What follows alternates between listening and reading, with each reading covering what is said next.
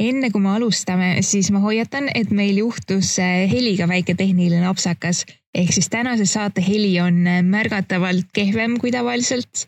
aga sisu on see-eest väga-väga hea, ehk siis ma kindlasti soovitan lõpuni kuulata. head kuulamist tere tulemast, kuulad Grit Startup turunduse podcasti, kus oleme taas hubases Maakri Worklandis ja uurime uuelt startup turundajalt, mis on tema ettevõtte turunduses töötanud. Mina olen Andres Unt.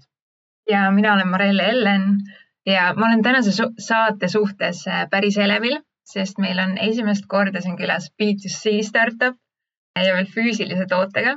Äh, tere tulemast, Ampler Bikes turunduse müügijuht Ott Ilves. tervist kes veel ei tea, siis äh, Ampler Bikes toodab elektrijalgrattaid ja miks nad ägedad on, on esiteks väga kiire kasv, et nad on oma käivet iga aasta kahekordistanud ja, ja teiseks neil on äh, D2C ärimudel ehk nad ei kasuta oma toote levitamiseks mitte mingeid edasimüüjaid.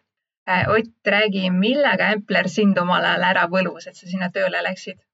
tootega ähm,. kunagi Äh, üks endistest äh, saatekülalistest siin, äh, Andrus Purde, kes oli minu esimene niisugune turundus, turundusboss ja mentor ja siiani hea sõber, tema, tema kunagi ütles sellist asja, et ähm, head toodet turundada on palju, noh, ühesõnaga, et ainult head toodet peakski turundama, ühtegi muud toodet väga nagu ei ole väga mõtet turundada, et natukene jäi Ampleriga selline mulje samuti, et iga esimest korda, kui ma istusin selle ratta peale, sellest hetkest ma olin möödunud selle ratta osas ja pärast seda oli juba nagu palju lihtsam igasuguseid äh, töödetaile rääkida, et mida tahaks teha ja kuhu tahaks minna.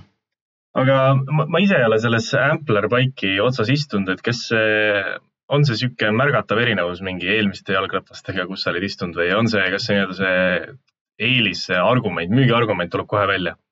absoluutselt. Ähm, see müügiargument tuleb siuksest sõidulugust välja, et kui sa nagu ähm, igapäevaseks sõiduks kasutad enda jalgratast, siis kui sa Ampleri selga istud, sul on absoluutselt iga päev on sul nägu naerul, sellepärast et see aitab sind niimoodi kaasa, et sul on lõbus, sa võid nagu võtta pikemaid teekondi ette. Sinu jaoks tunduvad kõik sellised nagu Äh, barjäärid sõitmisele nagu tuul ja mäed ja nagu isegi vihm, need kõik kaovad ära sinu jaoks, sest sul on tohutult palju parem sõita jalgrattaga sel hetkel. ja nüüd sa oled äh, viis aastat sõitnud seal, ma saan aru? jah. millised on need põhimõtted, äh, millest te turundusest lähtute me oleme hästi sellise no nonsense turunduse järgijad mõnes mõttes, et me väga ei järgi mingisuguseid häkke, keegi ei loe nagu alati mingisugust viimast blogipostitust ja ei hakka kohe rakendama mingisugust viimast Hacker Newsi häkki, et kuidas, kuidas midagi mingi häkiga efektiivsemaks teha või kümme klienti juurde saada. et ähm, hästi sellise vundamendi ladumise ja sinna peale maja ehitamise visiooniga mõnes mõttes, et me oleme alustanud sellest, et äh, me püüame aru saada, kes meie kliendid on, siis me püüame aru saada, mis meie tooteks benefit'id on, siis me püüame nagu need kaks asja kokku panna, et mida, millist sõnumit me siis peame hakkama panema. Ja siis me jõuame enne sinna turundusvisiooni juurde, mis on siis, eks ole, et find and be found, et me püüame viia enda sõnumit kõikide nende, needsamad benefit'id, mida ma enne välja tõin, need sõnumid siis viia nagu klientideni nendes kanalites, kus nad on. Ja siis build trust Appleri kui siis brändi ja toote suhtes ja see käib siis absoluutselt iga turunduskanaliga nagu kaasas, et me peame signaleerima seda turundust äh, igas enda tegevuses. ja tegelikult äh, ma olen ka kuulnud, et, et nüüd oli Tartus Startup Day korraldatud Startup Talksil, sa rääkisid seda, et teil ongi turunduses nagu kaks suunda, et oligi seesama building trust ja siis oli, et find and be found mm. -hmm. ja, ma arvan, et see on niisugune hea asi, millest äh, kuidas nüüd see jutt ka üles ehitada. et nüüd räägime sellest building trust, trust'ist, et äh, millest alustada? alustada sellest, et sa usud enda tootesse. kui sa ise ei usu enda tootesse, siis ei, ei saa mitte keegi teine sellesse uskuda. ma teen, ma võin tuua nagu näiteks, eks ole, selle meedia, ähm, meedia ja üleüldse ajalehe artiklid ja kõik sellised asjad nagu mm toote review'd.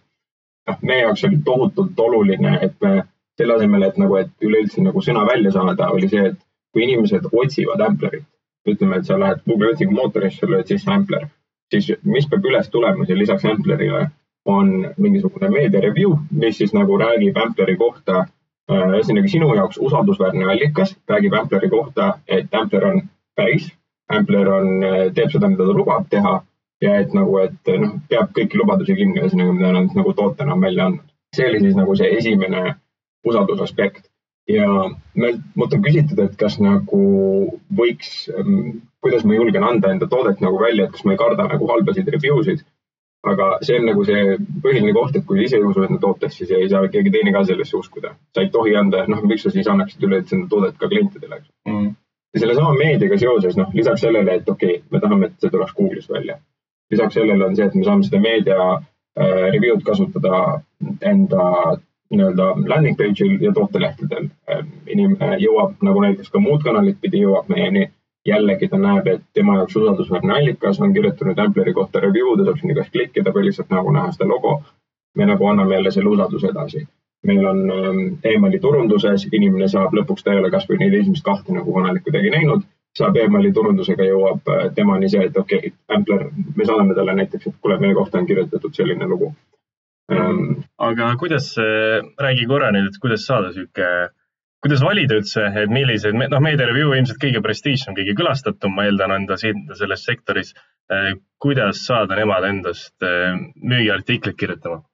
kõigepealt äh, hästi palju frustratsiooni, et ma arvan, et kui me esimest korda lansseerisime toodet, siis ähm, Melissa, kellega koos ma siis töötasin ka sel hetkel turunduse kallal, kellega ma ka praegu töötame suuresti ühes tiimis Ehm, temaga koos me mõlemad kirjutasime absoluutselt noh, sadu ja sadu kirjasid ajakirjanikele ja meie nagu see noh, lõpuks ma töötasin sel hetkel Pipedrive'is, kus ma õppisin natukene ära selle, et mis asi on numbers game.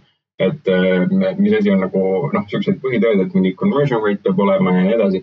ja seega ma sain aru, et selleks, et ma saaksin ühte, ühte ajakirjanikku üleüldse nagu vastama endale, selleks peab, ma pean saatma välja põhimõtteliselt sada kirja ja sealt ma pean veel edasi, ma, ma pean suutma siis talle selle idee maha müüa põhimõtteliselt, kui ta lõpuks mulle vastab, siis ma pean talle suutma selle idee veel maha müüa, et ta oleks nõus seda ratast testima. mis sa kirjutasid seal esimeses kirjas? noh, ma lugesin, ähm, ma arvan, ma lugesin kõik nõuanded läbi, mida tasus, äh, mida, mis kuskil olid, et äh, kasuta ära nagu, tee research'i selle ajakirjaniku kohta, millest ta on varem kirjutanud. ei ole mõtet kirjutada, eks ole, ajakirjanikule, kes kirjutab majandusest, tal ei ole tõenäoliselt mõtet kirjutada, et kuule, et äh, palun ühesõnaga arvusta meie ratast või et kirjuta meie ratta lansseerimise kohta. Äh, ühesõnaga, et tee see research kõigepealt ära, seejärel liigu sinnamaani, et ähm, vaata, et kas ta on just kirjutanud selle teema kohta, kui ei, siis nagu võib-olla on täiesti mõtet nagu välja tuua. vaata, kuidas see haakub ja noh, ühesõnaga, et individualiseeri iga pitch nagu nii palju kui võimalik ära, et ähm, see oli nagu see esmane asi. ja noh, ja sinna oli siis äh, erinevaid asju, et tee see nagu lihtsaks ajakirjaniku jaoks, et pane nagu lingid äh, pressiteadete juurde, pane lingid äh, piltide juurde, kui on nagu huvitav, eks ole, et ära hakka nagu ootama mingit seda. aga et püüa ka selline asi teha, et sa saad nagu mingi vastuse, et, meil oli väike nagu mingi sihuke asi, mis aitas, oli see, et me küsime alati nagu püüdsime mingi küsimusega nagu lõpetada selle, mitte et lihtsalt, et palun kirjuta, vaid et päris täpset sõnastust enam ei mäleta, aga et kas äh, enam-vähem, et kas oleks huvitav teile või et kas me midagi, midagi sinna, sinnapoole. ja noh, ma arvan, et äh, sajast võib-olla kümme vastasidki, et ei ole huvitav ja siis nagu kolm vastasid, et võib-olla ja võib-olla üks neist kirjutas lõpuks mm.. et see oli nagu selline palli veerema saamiseks oli see kohutavalt, et noh, see oli nagu aasta kaks tuhat viisteist ja kaks tuhat kuusteist. Ähm, see oli siis. praegu on loomulikult natukene teine maailm juba me oleme selles mõttes, et kogu see elektrijalgrattamaailm on jõudnud nii kaugele, et see on ka ajakirjanike teadvuses kindlasti palju suurem. meil on ka äh, nii kogu sektor kui siis ka nagu mõned suuremad konkurendid on kindlasti nagu tõstnud seda nagu temaatikat äh, nende teadvuses. tähendab, et meil on kindlasti lihtsam jõuda ajakirjanikeni, et äh, meil on nüüd äh, tiimis on äh, üks kommunikatsioonijuht, kes tegeleb nagu igapäevaselt, eks ole, selle haldamisega ja meil on ähm, eri turgudel on siis nagu ka agentuurid, kes siis on nagu juba loonud suhteid ajakirjanikega, mis kindlasti on nagu väike nagu shortcut selleks, et me saame lihtsamini äh, mingitesse kohtadesse äh, enda rattaid nagu testimisele. aga kuidas valida neid teemasid või, või näiteks, et, äh, et näiteks täna, et ongi see, et teil on tehtud need siuksed standardsed artiklid, et mis sampler on ja, ja, ja, ja võetate jalgrattaid, et mis on need teemad, millega nüüd e-, edaspidi pildis olla ja uusi tooteid ei tule ju ka nii palju kogu aeg, et äh, kuidas sellega? see on, äh, see on, see on asi, millega me ka, eks ole, tegeleme pidevalt, et mis siis on nagu see järgmine teema. üldiselt on see, et äh, mida me aasta, mida me tegelikult teame, on see, et Amplerit, Ampler on pisike, meid ikkagi teavad nii tohutult vähesed nagu inimesed üle maailma kokkuvõttes. et isegi kui me arvame, et meil on nagu, me kasvame kiiresti me oleme jube tublid ja me oleme suutnud mingisuguseid asju saavutada, siis laias plaanis me oleme pisikesed. Äh, mis tähendab, et äh, noh, üheksakümmend viis protsenti meie potentsiaalsest turust ei ole meie kohta veel kuulnud ja sama on ka nende ajakirjanike ja nende äh, väljaannete kohta. et kui meist on kirjutanud nüüd näiteks The Verge on ju, siis näiteks nagu noh, näiteks TechCrunch ei ole veel meie kohta kirjutanud. ja jällegi see on, see on nagu mingisugune võimalus, et okei okay,, et tegelikult, kui ma annaks neile ratta, kas nad nagu noh, siis nad oleks nagu valmis seda kirjutama. Ehk siis seesama rattatest on meie jaoks nii-öelda see põhileib, äh, millega noh, leib ja või põhimõtteliselt, millega meie kommunikatsioon nagu tegeleb ja me saame seda suhteliselt nagu järjepidevalt replikeerida nagu suhteliselt aastast aastasse. mingi hetk see kindlasti nagu äh, noh, see nagu teekond saab otsa, eks ole, ja siis me jõuame sinnamaani, et äh, kas meil on veel uudistväärtust ja siis millistele nagu väljaannetele on uudisväärtus. meil tulevad aeg-ajalt on nagu uudised nagu okei okay,, me avasime uue esinduspoe näiteks Kölnis. selline asi on uudisväärtus rohkem kas Kölni nagu kohalikele äh, väljaannetele või ja, tähendab siis ja ähm, rattaajakirjanikele ehk siis nagu ratta, rattaväljaannetele. see ei ole tõenäoliselt TechCrunchile uudis ja siis sa pead, see on sama, et nagu, et kui sa nagu sihid enda nii-öelda kommunikatsiooni, siis seal on sama tähtis aru saada, et see uudis, mis sul on, et kellele see on päriselt uudis. et äh, ei ole noh, et kõik, kõigil ei ole mõtet sama sõnumit välja saata mm. -hmm aga TechCrunchi puhul ma saan aru, te olete ilmselt äh, lähenenud nendele ajakirjanikele, veel ei ole veel ei ole. läinud, veel ei ole läinud see õnneks meil, et äh, kindlasti nagu jätkame, jätkame tööd, et noh, siin on, siin ongi, et nagu, et igasuguseid, äh, see on nagu selline noh, üks, üks näidetest on ju, et TechCrunch ei ole meie kohta kirjutanud, samamoodi ei ole New York Times meie kohta kirjutanud, et palju, et. Kas te mingi aja tagant äh, follow up ite? Jah, jah ja ei, noh no, jah, kindlasti nagu meil on nagu, et kui ajakirjanik ütleb meile, et tasub nagu nendega, et praegu ei ole õige aeg, et nagu, et räägime kolme kuu pärast uuesti, siis jah, kui see ajakirjanik ütleb konkreetselt, et ei, see ei ole üleüldse nagu huvitav teema, siis võib-olla ei tasu nagu alati nagu torpida, et tasub nagu austada inimeste piire ka. räägi ühesõnaga inimestega, nagu sa räägid ikka inimestega, et ajakirjanikud on nagu põhimõtteliselt äh, nagu meie siin kolmekesi teeme, teeme oma tööd, on ju, teevad ka nemad oma tööd ja neid peab austama sarnaselt mm. -hmm. aga selles suhtes see on ikkagi nagu müügitöö on ju, et kui, kui sa vastust ei saa, siis sa kirjutad nii kaua, kuni sa saad selle vastuse. no kas, kas nii kaua kirjutad, see on ka nagu, eks ole, maitse asi, et kui sa juba kaheksandat nagu follow-up'i kirjutad ja ikka, ikka vastust ei tule, siis võib-olla äh, minu maitsele see võib-olla ei ole enam nagu päris korrektne, eks ole, et võib-olla võiks mingist vihjest aru saada, aga ähm, aga põhimõtteliselt küll ähm,, eks ta sinnapoole läheb, et äh, noh, mingisugune väike nagu põhimõte, mis on üleüldse nagu Amperis nagu siukse müügitööga üleüldse seotud, on see, et noh, nii palju müügitööd on, aga et ütleme, et messidel või poodides me ei tee nagu ühtegi nagu hard sales'i, et me, me ei püüa nagu iga hinna eest klienti nagu kuhugi konksu, konksu otsa väänata. ja sama siis põhimõtteliselt nagu turunduses, et me ei püüa nagu iga hinna eest kedagi nagu iga triki ja, ja sellise nagu lõputu follow-up imisega nagu noh, konks otsa väänata mm. -hmm. aga, aga kas on see okei okay,, et siis ma, vaata seesama, see rattatest on, on see teie põhiteema, et ma sellele ühele ajakirjanikule ütlen, et näed, tahad teha või selle ühe väljaandele, et näete, et tahate teha jalgrattatesti, ma ei tea, ta ei vasta mulle või ei taha ja siis ma kahe kuu pärast tahate äkki nüüd teha jalgrattatesti, et kas see on nagu okei okay,, ma selle sama teemaga nagu pingin teda niimoodi jah, mingi, ma arvan, ma arvan, on küll nagu, et äh, jällegi see nagu noh, see, see copy paste isid eelmist kirja on ju, sa püüad nagu alustada seda vestlust ja ideaalis sa nagu pead seda vestlust on ju ja püüad aru saada, et äh, miks nad ei taha seda teha või et miks, miks ei ole relevantne. see on sama, et noh, praegu on, praegu on november, novembris meil on tõenäoliselt on vähem ajakirjanikke, kes nagu sooviksid selliseid asju teha ja üleüldse jalgratastest kirjutada, kui on kui märtsis või, või aprillis, eks ole, et äh, me peame nagu arvestama nagu igasuguste nagu eripäradega, mis on nii meie sektoris kui siis ka noh, näiteks mingites muudes asjades, kui siis ka see, et praegu on nagu näiteks USA presidendivalimised on ju, mis võtavad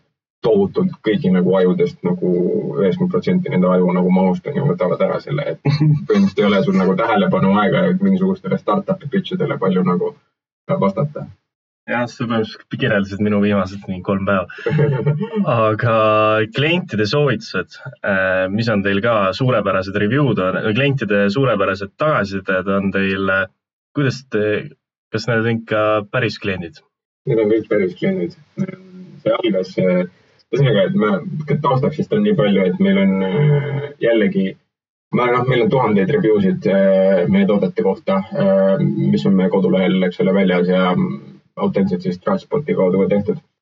me põhimõtteliselt aktiivselt läheme klientide juurde, ütleme, et palun jätke meile review. ja põhjus ongi selles, et äh, kui keegi hakkab otsima nüüd jalgratast, eks ole, ja ta tahab ja nagu meie ärimudeli juures, kus me oleme, müüme otse kliendile, inimene ostab selle toote üheksakümne protsendil juhust, juhust, juhtudest siis üle interneti ähm, see on suhteliselt nagu kallis toode nagu üle interneti ostmiseks, et inimesed ei tee igapäevaselt siukseid kahe poole tuhandeseid osta üle interneti et siis me peame nagu ehitama seda usaldust nagu igal sammul üles, eks ole, jälle jõuame sinna tagasi.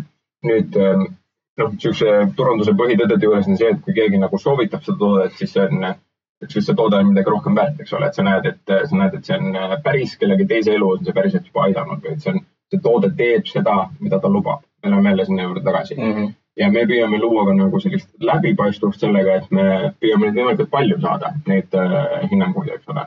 ja me kasutame neid ära, eks ole, jällegi kodulehel, noh, absoluutselt need on nagu meie kas footerites või siis need on meil eraldi review lehtedel või siis, kui inimesed otsivad nagu e-bike reviews või Ampler bike reviews, nad leiavad jällegi meid ülesse ähm,. püüame sellega niimoodi välja tulla e. emailides jällegi, et inimene loeb emaili läbi, saab, vaatab, et okei okay,, Johannes Berliinist äh, ütleb seda enda ratta kohta.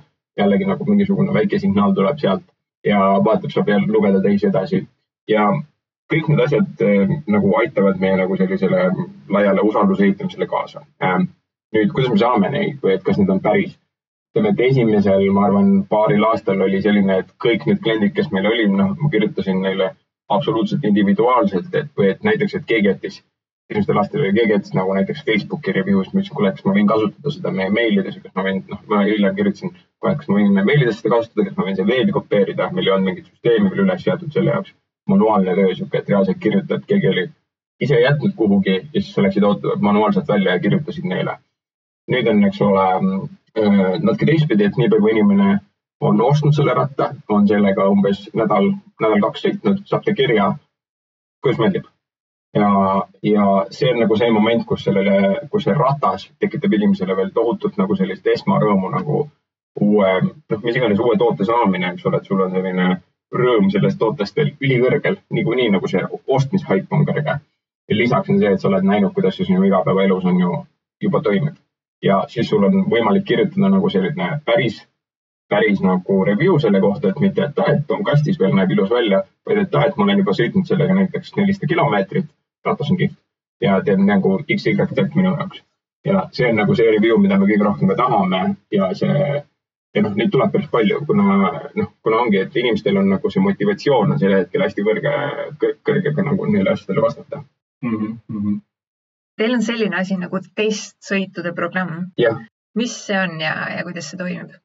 see on, see on selline asi, kus äh, meil on, me kutsume neid nagu brändi esindajateks või nagu ambassadorideks, eks ole, et need esindajad on meil kuskil vist umbes neljakümnes linnas ähm, kuues erinevas riigis äh, kokku ja need esindajad, me oleme siis neile andnud ratta ja nagu lepingu alusel nad siis teevad äh,, annavad nagu meie klientidele, potentsiaalsetele klientidele siis nagu testsõite. ja nüüd see idee on selles, et kui inimene tuleb ähm, üheksakümne üheksal protsendil juhust need inimesed jõuavad nende esindajateni siis läbi meie. et äh, nad tulevad läbi meie interneti, nad hakkavad tegema uurimustööd selle ratta kohta, nad vaatavad, ok äh,, mulle tundub, et see võiks mulle sobida, aga et ma ei ole päris kindel, äh, kas ma peaksin seda ostma või mitte meie ärimudel tähendab seda, et äh, me ratast ei saa kuskil rattapoes nagu noh, et kui me toome Eestis näite, sa ei saa minna Fixusesse või Hawaii Expressi seda ratast testima, kuna me oleme otse mingi mudeli peal. Mm.. see tähendab seda, et äh, noh, nii palju poode meil ei ole nagu mõistlik ega meil ei ole ka seda selleks raha ehitada, et me ehitame igasse sellest neljakümnesse lokatsiooni, eks ole, poe endale. aga me soovime ikkagi olla nagu kliendile nii, nii lähedal kui võimalik ja pakkuda seda testimisvõimalust nüüd inimesed tulevad, eks ole, jällegi veebi, vaatavad, on välja valida endale ratta ja siis nad vaatavad, okei okay,, minu jaoks lähim koht, kus ma saan seda ratast testida, on seal. nagu lähevad läbi, läbi meie programmi põhimõtteliselt book ivad selle testsõidu endale, saavad kokku testivad ära. ja esialgne nagu hüpotees, kunagi kui me alustasime seda programmi, oli see, et me tegime umbes viies kohas, ma arvan, alustasime seda programmi. idee oli selles, et just see, et ta üleüldse eksisteerib. See, et me juba paneme need rattad nii-öelda maailma välja nagu näitamiseks, testimiseks, juba see on piisavalt veenev kliendi jaoks, et isegi kui ta ei saa seda ise testida, siis ta ütleb, okei okay,, ma näen, et need, need tõenäoliselt rattad peavad toimima, sellepärast et nad julgevad neid nagu testimiseks anda. mingil määral see toimis, aga nüüd me hiljem oleme avastanud, et see on ühtlasi ka jube tugev nagu müügiargument või nagu selline konverteerija, et niipea kui inimene ikkagi selle ratta seal ka istub, niipea ta hakkab sellesse uskuma nagu noh, lõplikult, et niipea, niipea ta saab aru, et see on, see on tema jaoks õige ja niipea see nagu noh, ta läheb sisuliselt koju ja vajutab neid õigeid nuppusid meie jaoks, eks ole, ja tellib selle ratta. olete muidu mõõtnud ka, et palju see umbes see müügi conversion on sellise testsõidu pealt, sest noh, tavalise esimene mõte, mis tekib, on see, et, et ma, mida võib-olla mõni turundaja, ta ei julge anda enda toodet, ta arvab, et tulevad ainult mingid äh, õnneotsijad, kel raha ei ole, siis äh, saavad tasuta asju, et kas, kuidas teil on?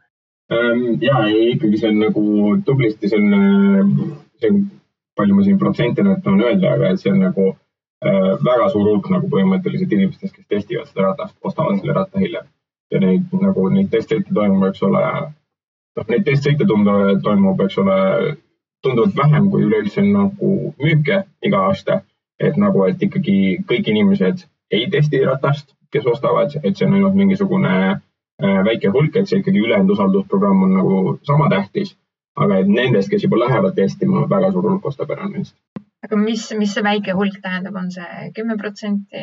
see on umbes, umbes nagu mingisugune, ma, kui ma pean ütlema, siis ähm, mingisugune ligikaudu viiendik äh, klientidest mm. -hmm. no see on, see on hullult äge asi ja ta on suhteliselt selline unikaalne asi, mulle tundub, ma ei ole kuulnud, et teised ettevõtted või startup'id äh, sellist asja kasutaks aga kui, kui skaleeritav ta on, et kas, äh, kui lihtne neid ambassador'e leida on ja, ja, ja, ja laieneda selle programmiga? eks äh, igal pool on enda nagu sellised äh, komistuskivid, et äh, me oleme skaleerinud seda suhteliselt kiiresti, et äh, ma arvan, et kaks tuhat, ähm, kaks tuhat üheksateist me tõime selle nagu kaks tuhat kaheksateist, seitseteist, kaheksateist me tegime seda ühe nagu partneriga koos, ähm, kes aitas meil neid läbi viia, siis meil oligi, ma arvan, umbes viis-kuus kohta.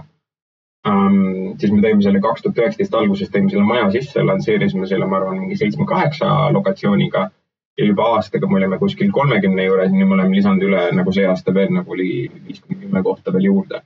et see on suhteliselt kiiresti skaleeritav. nüüd noh, see motivatsioon selle nii-öelda brändi esindaja jaoks on päris suur, eks ole, et ta saab nagu igapäevaseks kasutuseks endale jalgratta äh, ja, ja see on nagu põhimõtteliselt äh, tal on veel mingisugune motivatsiooniprogramm seal, eks ole, taga. Äh, mis aitab, noh, mis, mis motiveerib teda nagu andma meile, andma neid testsõite. Neid leida, eks meil on, ma arvan, et umbes nagu mingisugune, umbes pooleks on need, et meil tuleb nagu sisse kirjasid, et ma soovin saada nagu esindajaks et nagu noh, üldiselt nagu huvitatud inimesed, kellel võib-olla, kes, kes tahaksid, kes tahavad kliendid olla, onju. Ähm, aga ei taha võib-olla osta ja siis teine on see, et äh, me, me siis paneme nagu töökuulutustena nagu välja, et me otsime esindajaid sinna. et see on omajagu tööd mm,. mingid keerulised kohad siin on loomulikult äh, nende inimeste onboard imine, nende treenimine kogu nagu toote info suhtes tehnilise seisukorra nagu järelevalve vaadata, et vaadata, et ratas on nagu heas tehnilises seisukorras, et see on puhas, et nagu, et iga klient saaks nagu võimalikult hea kogemuse. kõik sellised asjad on nagu potentsiaalsed komistuskivid ja keerulised kohad, mida me nagu igapäevaselt lahendame.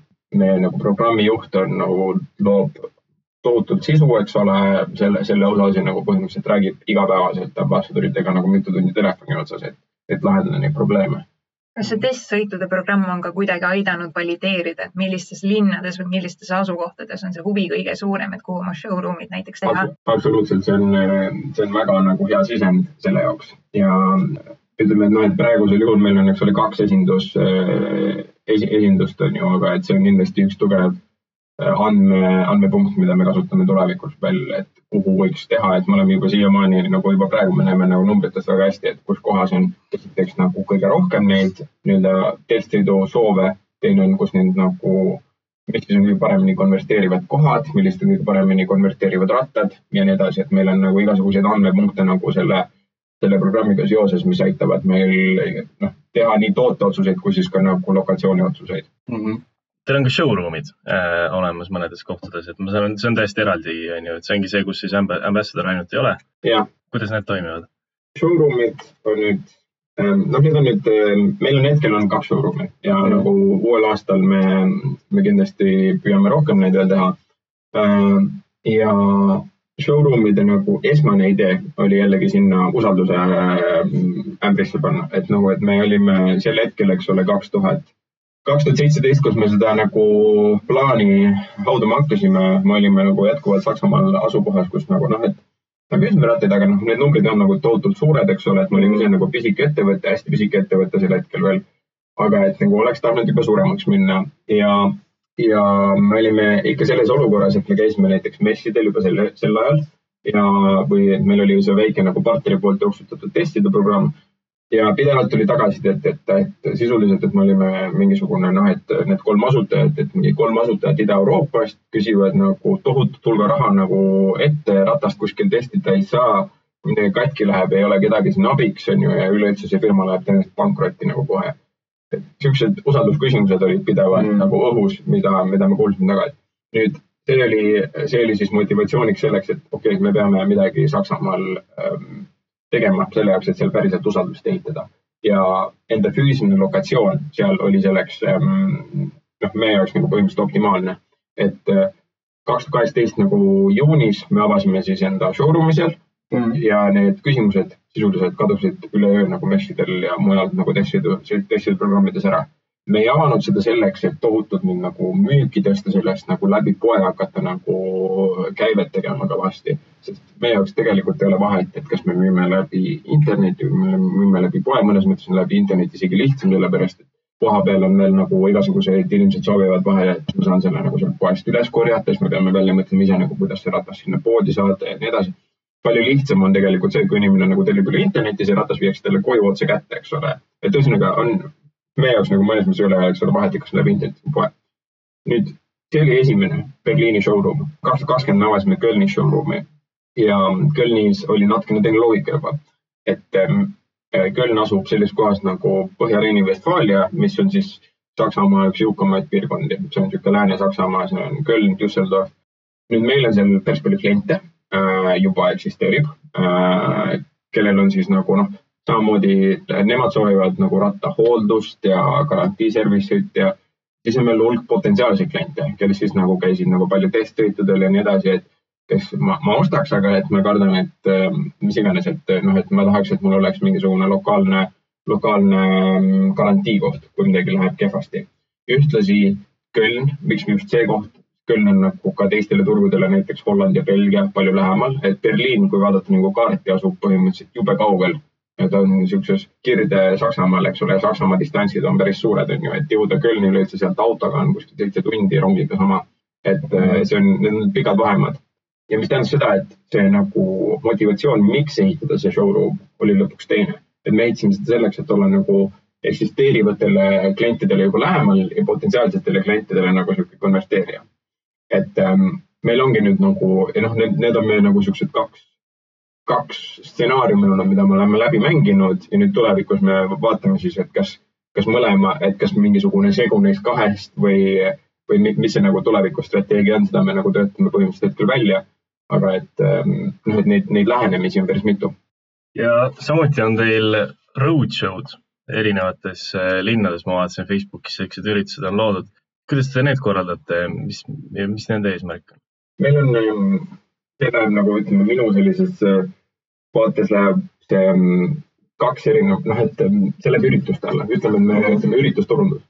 Okay.. ja üritusturundus on, ongi meil siis äh, kaheks jaotatud, et ühed on, ütleme siis ratta- ja turismimessid, kus siis äh, publik on juba nagu noh, külastajad on juba nagu kohale aetud korraldaja poolt meil on vaja ainult sinna panna enda nagu nii-öelda putka püsti ja, ja põhimõtteliselt rääkida, et kui tore meil ratas on ja anda inimestele testida seda ratast. päris lihtne äh, meie jaoks selles mõttes mm. -hmm. nüüd Ampro Roadshow on natukene teise motivatsiooniga, et igal pool üle Euroopa, igal pool nagu meie nagu sihtturgudel Saksamaal ja mujal ei ole nagu neid rattamesse või mm, igal pool me ei ole ka enda testiprogrammiga väljas. Nüüd me oleme nagu proovinud erinevaid lähenemisi sellega, et okei okay,, me ei ole selles kohas hetkel testiprogrammiga väljas ja seal ei ole ka messi või et me oleme testiprogrammiga väljas, aga me näeme, et see potentsiaalne nagu eh, kõlapind võiks veel suurem olla ja see on siis on motivatsioon, et miks me oleme nagu püüdnud, miks me oleme otsustanud, et pakime selle bussi, pakime selle bussi täisrattaid, lähme sinna, paneme telgid püsti ja teeme nagu ise hästi palju turundust enne selleks, et inimesed kohale ajada, sinna testsõite saab teha. Kogu selle asja eesmärk on saada nagu need inimesed, kes on juba nagu suurem osa nendest inimestest, kes on juba kaalumas nagu Amplerit, aga neil ei ole veel võimalust olnud nagu ennast konverteerima panna või nad tahaksid mingit inimlikku kontakti saada, panna nemad nagu põhimõtteliselt ähm, ostma ja noh, ja siis on ka nagu väike hulk inimesi, kes tänavalt tulevad, eks ole, kes, kes, kes pole, pole varem kuulnud. ja nüüd see, kuidas me turundame seda on, noh, me käime niisuguse klassikalise lansseerimisplaani põhimõtteliselt läbi, et meil läheb, me vaatame läbi, mis on kohalikud, eks ole, meediaväljaanded, me räägime nendega, et kas nad on nõus nagu mingisuguse väikse nagu uudisnupu postitama selle kohta või on, või neil mingisugune niisugune, et mida teha punkt ee tüüpi mingisugune koht, kus me klient võiks käia, eks ole me teeme loomulikult läbi enda uudiskirja seda, meil on veebis see üleval ja me saame panna nagu lokatsioonipõhiselt, eks ole, bänneri sulle ka nagu ette kodulehel ähm,. Mis me veel saame teha ähm,? me saame makstud reklaami teha selles plaanis, et keegi otsib ähm, testsõiduvõima elektri, elektrikaid kuskil näiteks selle, ütleme Kölnis on ju, et Kölni piirkonnas otsib mingi elektriratast. saame talle näidata konkreetselt, viia ta õigele kohe Eh, ürituse lehele, samamoodi me saame minna Facebooki vaadata, teha sealsamas nii, nii retargeting inimestele, kes on sealt piirkonnast pärit, kui siis ka sinna piirkonda suunatud reklaami selle konkreetse testiürituse kohta mm. -hmm. ja noh, need üritused, need siis kokku panna, pluss siis nagu visuaalne telk ja bänner nagu koha peal, siis see on nagu see mingisugune turunduskava, mida me siis iga väikse üritusega nagu läbi viime. kuidas te otsustate, et mis linnas järgmisena ürituse korraldada? ma saan aru, et Saksamaa on teie nagu üks ja ainus fookusturg, on ju? Äh, seni on olnud jah, ma arvan, et järgmine aasta me lisame, lisame sinna üht-teist juurde, et aga, et ähm, äh, Saksamaa on meie kõige suurem turg, kõige tähtsam kindlasti. Sisuliselt ongi, me oleme otsustanud selle baasilt, et me oleme vaadanud, et kus on ähm,, kus meil näiteks, et mis on nagu su suuruselt piisavalt suured linnad, et me oleme vaadanud, noh, mingi sada viiskümmend tuhat pluss sada pluss linnad ähm,. ja siis me oleme vaadanud, et kus meil ei ole siis nagu testsõidukeskust ja me oleme üldiselt sinna läinud, et ja kus me ei ole ka just hiljuti käinud nagu mingisugusel messil. ja vahel on seal teistpidi, et vahel on seal just nagu nii suur huvi, et nagu on nagu linnasid nagu Hamburg, kus me ei suuda isegi nagu testsõite nagu ära teenindada, et nagu, et see hulk, mida nõutakse, on nagu nii suur, et me oleme läinud nagu sinna veel nagu ise esindama. et see nagu nõudlus on nagu niivõrd, niivõrd suur olnud seal aga nüüd koroona ajal vist kõik need üritused on cancel, et neid vist äh, online ei vii? Ähm, jah, neid online'i otseselt ei vii, et koroona ajal läksid siis, esimesena läksid äh, kõik need nagu messid nii-öelda nagu noh, need rattamessid või turismimessid, noh, need on suuremas enamuses kõik ära jäetud. Suvel, suvel lõpupoole me suutsime teha, nagu me saime teha juba mõned sellised natukene distantseeritud äh, roadshow'd Ähm, kuna neid me teeme üldiselt väliruumides ja me saame nagu põhimõtteliselt nagu hoida seal distantsi ja nagu desinfitseerida rattaid jooksvalt äh, igas, igas momendis, eks ole, neid me saime äh, läbi teha.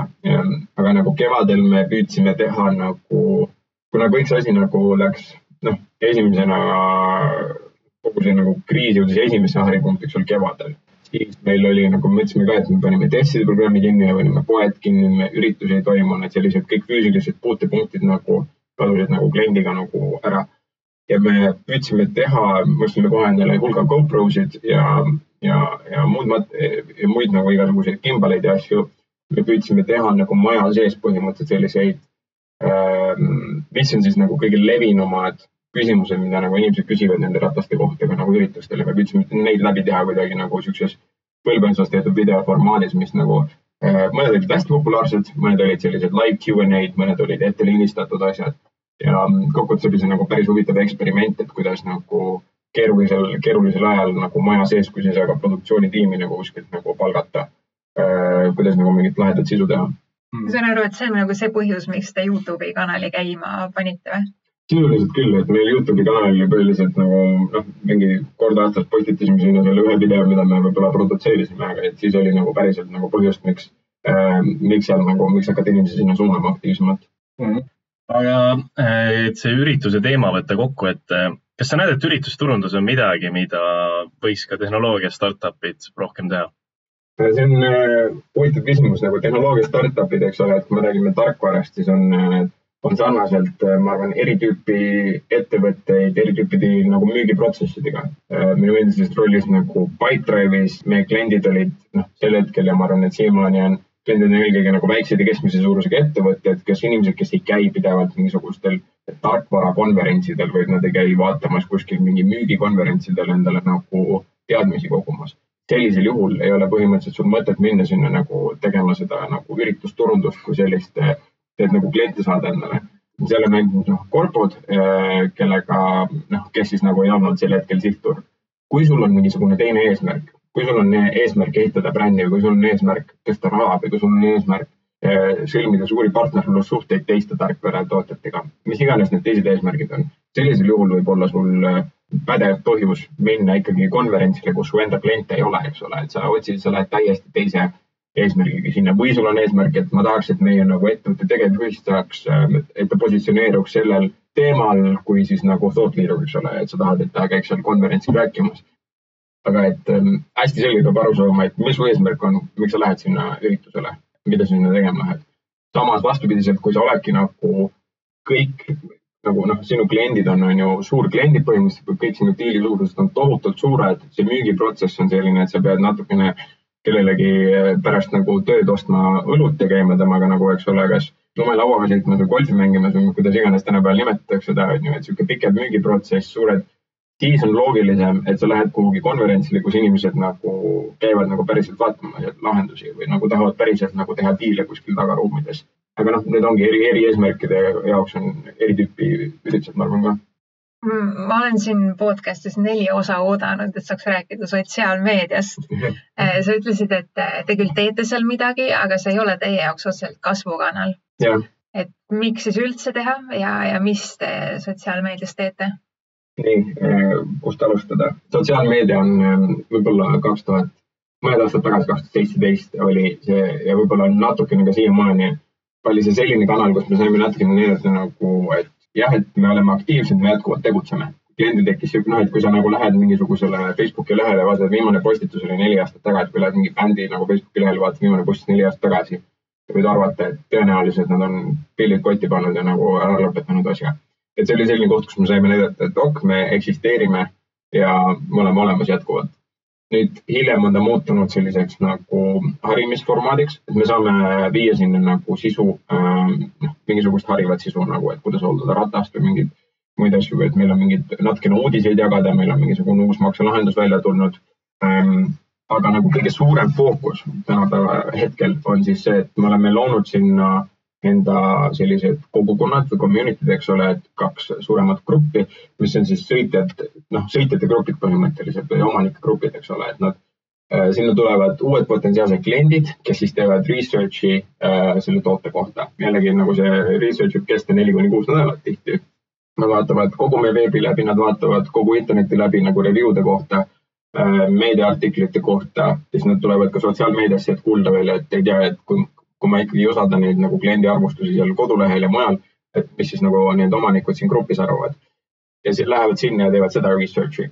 et see on nagu see koht, kus, ähm, kus nagu teised kliendid saavad nagu aktiivselt nagu suhelda põhimõtteliselt äh, uute potentsiaalsete klientidega, rääkida nagu, mis nende kogemused on olnud. ja, ja see on nagu koht, mida me siis püüame nagu kultiveerida põhimõtteliselt, et äh, me püüame inimesi sinna suunata, me ütleme ka, et noh, et näiteks mingisuguste onboarding flow's või noh, ütleme, et siis pärast, kui inimesed on ratta ostnud, pärast seda flow'd me ütleme, et kuule, et meil on grupp liitu sellega, äh, püüame inimesi ka sinna suunata, eks ole. ja, ja see on meie jaoks nagu päris hästi toiminud, ma arvan, et see, see koht on tähtis. kui aktiivselt te seda gruppi modereerite või kui palju see teilt endalt tähelepanu vajab? Äh, meil on nüüd grupis on nüüd nagu, et me oleme nagu avalikult välja öelnud, et nagu, et me nagu modereerime seda gruppi ja meil on ka meie nagu knowledge base manager on seal nagu aktiivselt nagu enda näoga nagu selles mõttes kohal. ja siis äh, inimestel juba on vaikselt harjumus tekkinud, et nagu, et mingite küsimuste puhul nad pöörduvadki otse nagu seal grupis juba selle inimese poole, et kuulge, et mis on selle konkreetse teema update, mis on, mis on X, Y, Z, eks ole, et, et äh, selliseid asju on päris, päris palju. ja kas teil on ka mingid mõõdikud, mida te selle grupi puhul jälgite? No me järgime grupi kasvu, eks ikka põhimõtteliselt, et eelmise nädala kuu, kuu ja aasta lõikes me vaatame, mis on grupi kasv, kui palju on uusi postitusi, mis on kommentaaride hulk ähm,, siukseid asju me track ime mm. -hmm. ja enne korra mainitud Youtube, et kas sa näed, et see täna, ütleme, kas sinna on mõtet aega panna äh,, investeerida? ma arvan, et kui sul on hästi selge strateegia, sisustrateegia, mida sa tahad sellega saavutada, siis jah ma arvan, et Youtube on päris paljude brändide jaoks, kes on nagu sihuke, ma toon natuke tausta siia, päris paljud meie nagu kliendid on sarnaselt nagu leidnud meid läbi Youtube'i. tihti on see läbi siis, kas jällegi ajakirjanikke, kes on enda review'd postitanud, teinud video review'd ja postitanud need sinna või on mingisugused kliendid, kes on sarnast asja teinud või on mõni meie video olnud seal. videote nagu produtseerimine on ikkagi nagu suhteliselt aja ja rahakulukas tegevus tähendab, et peab üsna selge strateegia olema, see on umbes sarnane, kui sa oled B2B maailmas ja teed endale äh, sisustrateegiat blogi või landing page'ide jaoks, et nagu, et ma nüüd tahan äh,, jahin neid keyword'e ja teen neid asju selleks, et äh, sellistele, sellistele asjadele, sellistele küsimustele vastata, siis sinu nagu, ma arvan, et sinu Youtube'i strateegia peab väga sarnane olema. sa pead väga selgelt välja ehitama, okei okay,, ma tahan ehitada need järgmised kaheksa videot, et vastata neile konkreetsetele küsimustele ja ma kavatsen neid jagada nendes, nendes, nendes kanalites mm. -hmm. kas sa soovid öelda sotsiaalmeedia kohta veel midagi? ma võin, ma võin korra sotsiaalmeedia kohta seda öelda, et meil on, noh, et kui me rääkisime sotsiaalmeediast, siis mina rääkisin praegu hetkel nagu orgaanilisest sotsiaalmeediast, mitte makstud programmidest siis. makstud programmide all, eks ole, et kui me räägime performance marketing'ist, siis Facebook on meie jaoks ikkagi nagu tähtis kanal. me teeme seal aktiivset reklaami, me paneme sinna täiesti arvestatava hulga enda, äh, enda nagu performance marketing eelarvest ja konkreetselt eelkõige ongi kõige edukam, eks ole, Facebook, mitte Instagram, äh, meie nagu äh, sihtgruppe arv, arvesse võttes, kes on nagu keskealised, pigem, pigem mitte noored. ja siis noh, Facebook on põhimõtteliselt see koht, kus nad siis nagu on olema, on, on kohal. nii, nüüd on see mm, Build Trust plokk on läbi Äh, nüüd jõuame selleni kategooriani nagu find and be found. ma olen nüüd äh, uus, äh, mitte kõige kauem tegutsenud ja mitte nii edukas nagu Ampler, olen, ma olen selline startup, millest ma võiks alustama? vaatan, noh, alusta keyword research'ist sisuliselt, et see on nagu esma, esmane koht, kust ikka alustada. kui sa selle oled nagu ära teinud, kui sa oled ära ikkagi nagu aru saanud, et mis on sinu jaoks olulised keyword'id Google'is, noh, alustame nagu seo-st. Sellest kanalist ja orgaanilisest trafficust. Find and be found mõnes mõttes on nagu laiem meie jaoks, me räägime nagu üleüldisest niisugusest sõnumi viimisest ükskõik mis kanali läbi klientideni, eks ole, et me räägime niisugusest laiemast distribution'ist. ütleme, et alustame nagu selline, kui sa ütledki, et oled esimest korda nagu alustad enda veebiga, eesmärk on nüüd selles, et seo ja üleüldse ka internet nagu Google'i reklaamiturundus, need on kanalid, kus siis nagu inimesel on mingi selge probleem juba või nagu selge nagu idee, mida nad otsivad, nagu, et sa ei pea hakkama tekitama seda nõudlust, sa pead seda nagu ähm, nõudlust siis realiseerima põhimõtteliselt ja sinu eesmärk on siis olla nagu nendes kohtades, kus inimene seda toodet otsib ähm,. see on see loogika nagu, mida mina olen vähemalt järginud.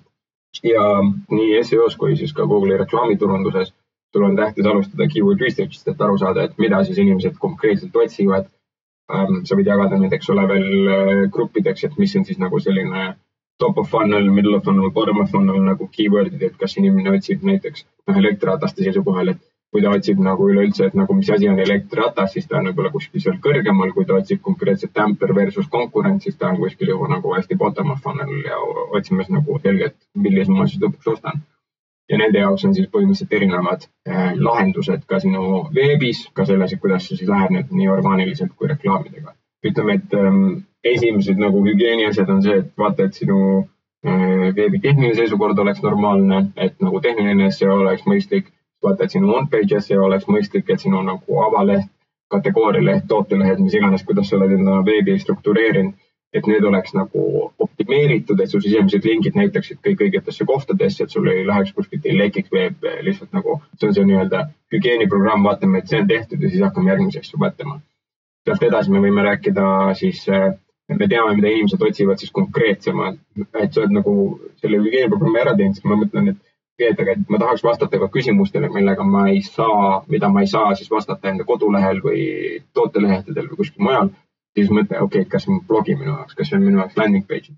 mis on see nagu strateegia või et nagu jällegi nagu Youtube põhimõtteliselt, see võib sarnane, see võib ka Youtube'i strateegia olla, et kas ma vastan sellele küsimusele hoopis Youtube'is, eks ole, ja sealt inimesi tuua.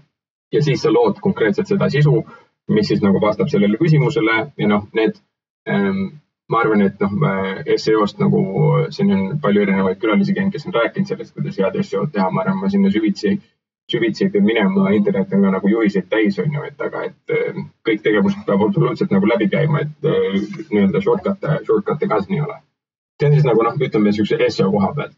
Google'i reklaamide koha pealt sama, nagu alustame sellest, et inimesed peavad sind leidma, nad peavad sind leidma konkurentide keyword'ide alt, nad peavad leidma sind shopping ust põhimõtteliselt üles, et inimene otsib mingeid elektrattaid, siis siin on nagu eh, pildike peab seal üles tulema bränd.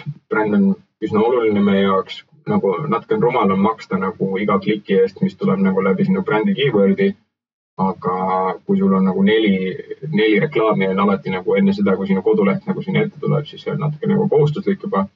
aga et meie jaoks ongi nagu ma arvan, et sellist kaks Google'i reklaami eh, conversion driver'it on shopping ja on uh, search, et hästi selgelt nagu siuksed e-bike, e-bike'iga seonduvad sõnad ja siis uh, shopping, shopping'u kategooria mm. -hmm.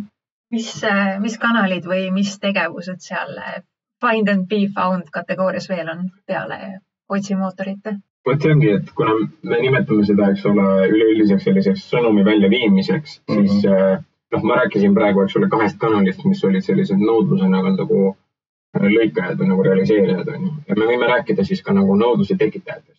Et kui me enne rääkisime näiteks PR-ist ja meediast kui sellise usalduse tekitamise kategooriana, et inimene tuleb Google'ist, leiab selle, veebist leiab selle, uudiskirjast leiab selle, tekitab usaldust, siis sama, et kui meil on nagu ülisuure nagu kõlapinnaga meediaväljaanded, siis on ka näiteks nõudlust tekitav aspekt. jällegi sa loed The Verge'ist või TechCrunchist, eks ole, et jube tore elektriratas on vau, kes äh, et, et nagu, et see tekitab potentsiaalset nõudlust, aga siis sa oled täiesti research'i alguses, sa ei ole veel uurimas, sa ei ole uurima hakanud seda, eks ole. sama meie jaoks me oleme teinud, ähm, me rääkisime enne messidest, kui siis ka nagu messid on sarnaselt võib-olla natuke rohkem niisugust nõudlust nagu lõikav äh, või realiseeriv aga et see läheb jällegi samuti sinna kategooriasse äh,. sellepärast, et kui sa lähed näiteks turismimessile või rattamessile, siis sul on tõenäoliselt nagu ikkagi üheksa inimest kümnest ei ole pruukinud sinu kohta veel kuulda. Ja see on nagu mingisugune koht, kus sa saad inimesele selle sõnumi viia äh,. Paid social, ma rääkisin sellest samast äh, nagu Facebooki reklaamidest äh, meie jaoks suhteliselt oluline koht, kus nagu just see demand generation, sellepärast et me paneme ennast inimese nagu muus, noh, inimene ei otsi lahendust, kui ta on Facebookis, inimene otsib nagu meelelahutust, kui ta on Facebookis. aga et me nagu põhimõtteliselt tekitame nõudlust sellega, me paneme üleüldse nagu teda esmakordselt nagu mõtlema selle peale.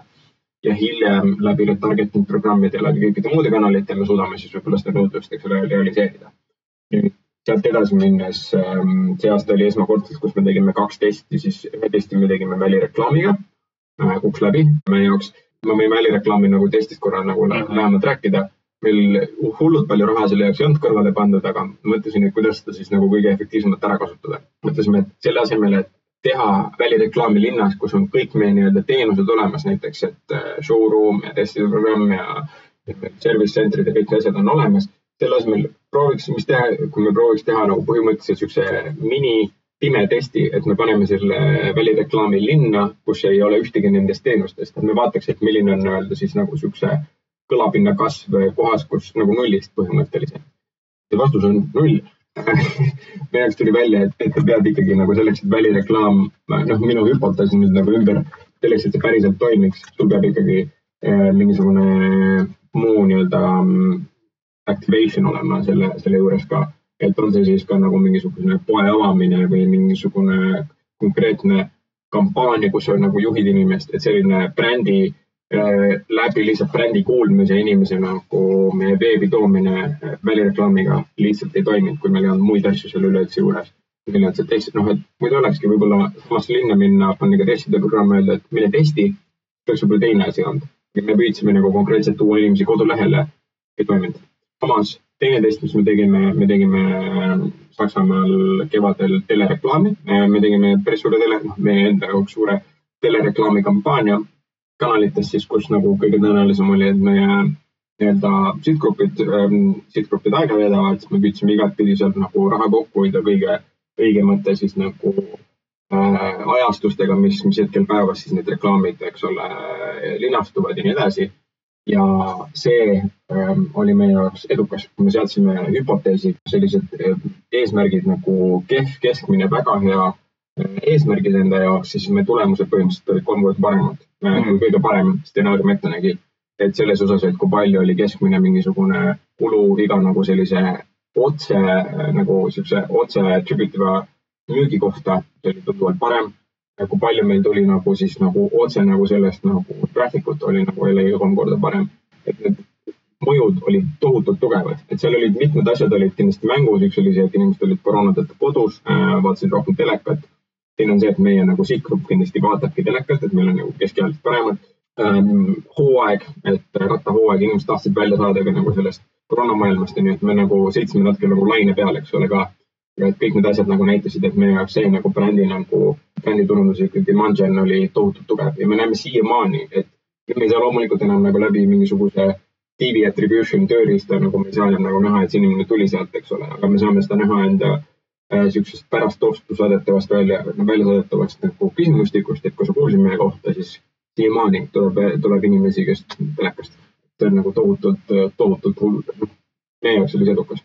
Aga nende testide puhul, eh, kuidas te mõõtsite, peamine asi ikkagi oli see, et te vaatasite, kuidas kodulehe traffic ja kuidas müük nagu vastaval ajahetkel siis eh, tõusis? just, pigem nagu teles on isegi, minu jaoks oli üllatav, ma olnud varem nagu teinud nagu, ma olnud varem nagu ostnud telereklaami, et eh, minu jaoks oli üllatav, et kui täpselt tööriistad tegelikult on, et sul on mingisugused ajaaknad, kus sa saad siis nagu mõõta, et ütleme, et seitse minutit pärast selle reklaami eetrisse minekut on sinu jaoks nagu otsene attribution aken ja siis sul on nii-öelda halo aken veel on, mis on natukene pikem. et sa mõõdad nagu igast erinevaid asju, sa saad nagu seal üritada, sa paned põhimõtteliselt enda jaoks piksli nagu jällegi veebis tööle, mis läheb otse sinna tööriista. ühtlasi sa mõõdad enda nagu sotsiaalmeedia aktiivsust nagu nendel ajahetkedel ja vaatad nii-öelda nii selles seitsme minuti aknas kui siis selle viie, viieteist minuti aknas näiteks.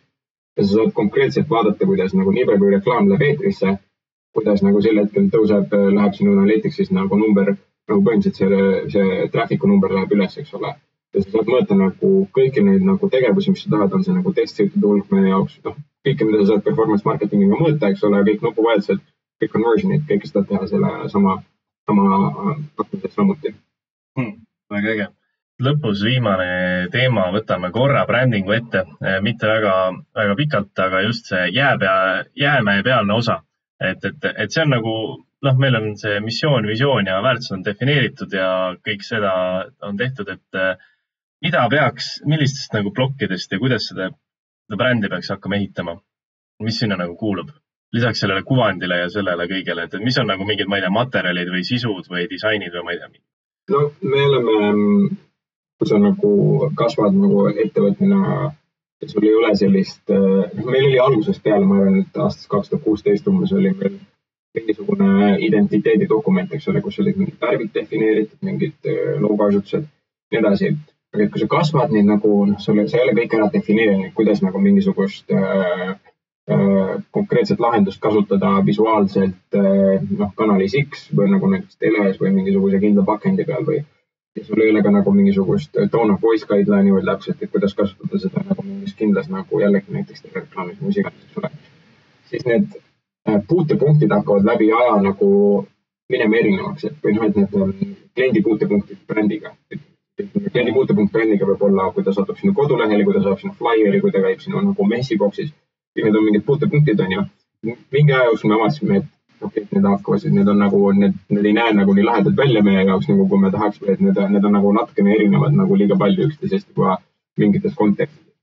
Me oleme nagu teinud, me alustasime jällegi sellest nagu kliendiga tööst, me alustasime, et mis siis on meie nagu kliendi, kliendi erinevad profiilid ähm, nagu segmendid, et me teeme iga aasta nagu päris palju ähm, research'i sel teemal, et äh, mis on meie kliendi profiilid, keda me siis nagu päriselt nagu sihtida tahame. ja sellega seonduvalt siis nagu mõtleme välja enda sõnumid, kõik muud lähme selle sama brändiga protsessist on ju läbi, lähme sinna tagasi nendesse missioonidesse, väärtustesse ja nii edasi. kuidas need kõik seonduvad selle konkreetse kliendiga, siis mm.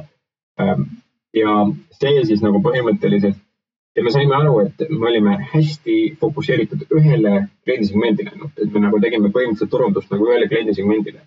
tegelikult meie klientide, klient juba eksisteeriv kliendibaas oli palju segmenteeritum ja lisaks, et me nagu, et kelle, kelle, noh, kelle järele me tahame tulevikus minna, et ka nemad, ka neid segmente on rohkem kui üks.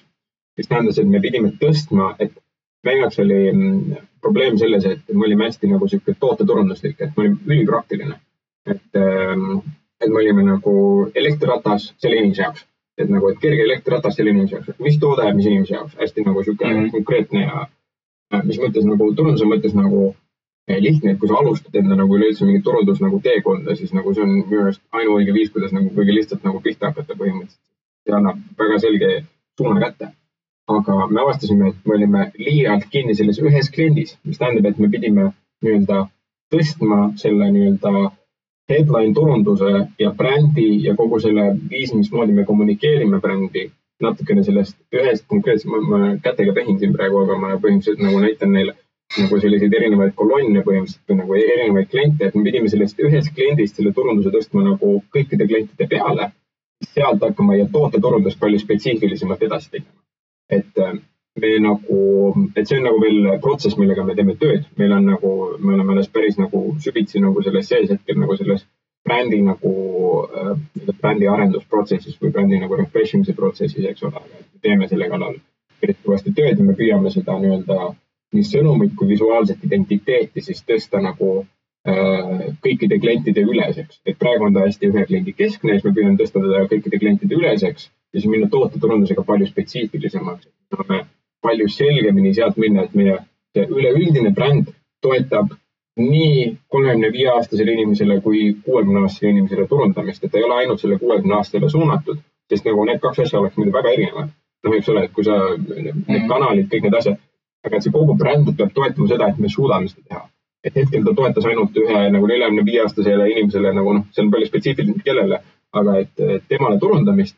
Et me püüame nüüd tõsta seda nagu brändi sinna üles, kus ta toetaks nii kolmekümne viie aastasele, neljakümne viie aastasele kui kuuekümne viie aastasele turundamist. et ja see, kuidas me nagu sealt nii-öelda, nii-öelda kolmekümne viie aastasele, neljakümne aastasele nagu turundame, see on juba sihuke tooteturunduslik spetsiifika ja kanalite valimise spetsiifika tähendab, et eh, me saame nagu seda visuaalset identiteeti, seda keelekasutust nagu mudida nagu vastavalt selle nagu kliendipõhiseks, aga et see on toetav. See on siis nagu noh, see meie jääme, jääme veebialne osa põhimõtteliselt, millega me hetkel päris kõvasti töötame mm. Me oleme igalt oma saatekülaliselt küsinud ka ühe turundusalase raamatu või podcast'i soovituse. oi ähm,, see on huvitav küsimus. Põhimõtteliselt nagu esmatööd, siis ma alati nagu soovitan seda Robert Cialdini influence'i, mis nagu räägib põhimõtteliselt kõikidest nendest asjadest, mida ma täna põhimõtteliselt mingil ühel, ühes vormis või teises olen kasutanud, et miks on niisugune word of mouth oluline, et kui, kui, kui klient soovitab teisele kliendile nagu toodet, eks ole, et miks on see niivõrd oluline, miks on sellise meedia review kasutamine veebis ja mujal, et niisugune customer testimonial'id, meedia testimonial'id, miks need asjad on olulised ta annab sellise nagu võib-olla kohati labase, aga nagu kuidagi nagu hästi selge nagu ülevaate nagu seal nendest mingist printsiipidest, mis seal, mis seal all äh, toimuvad.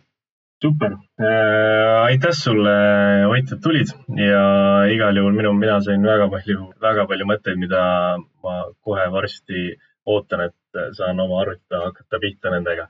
ja ma loodan, et ka sina teisel pool äh, said, said häid mõtteid, mida teha. kohtume juba varsti seniks edukat turundamist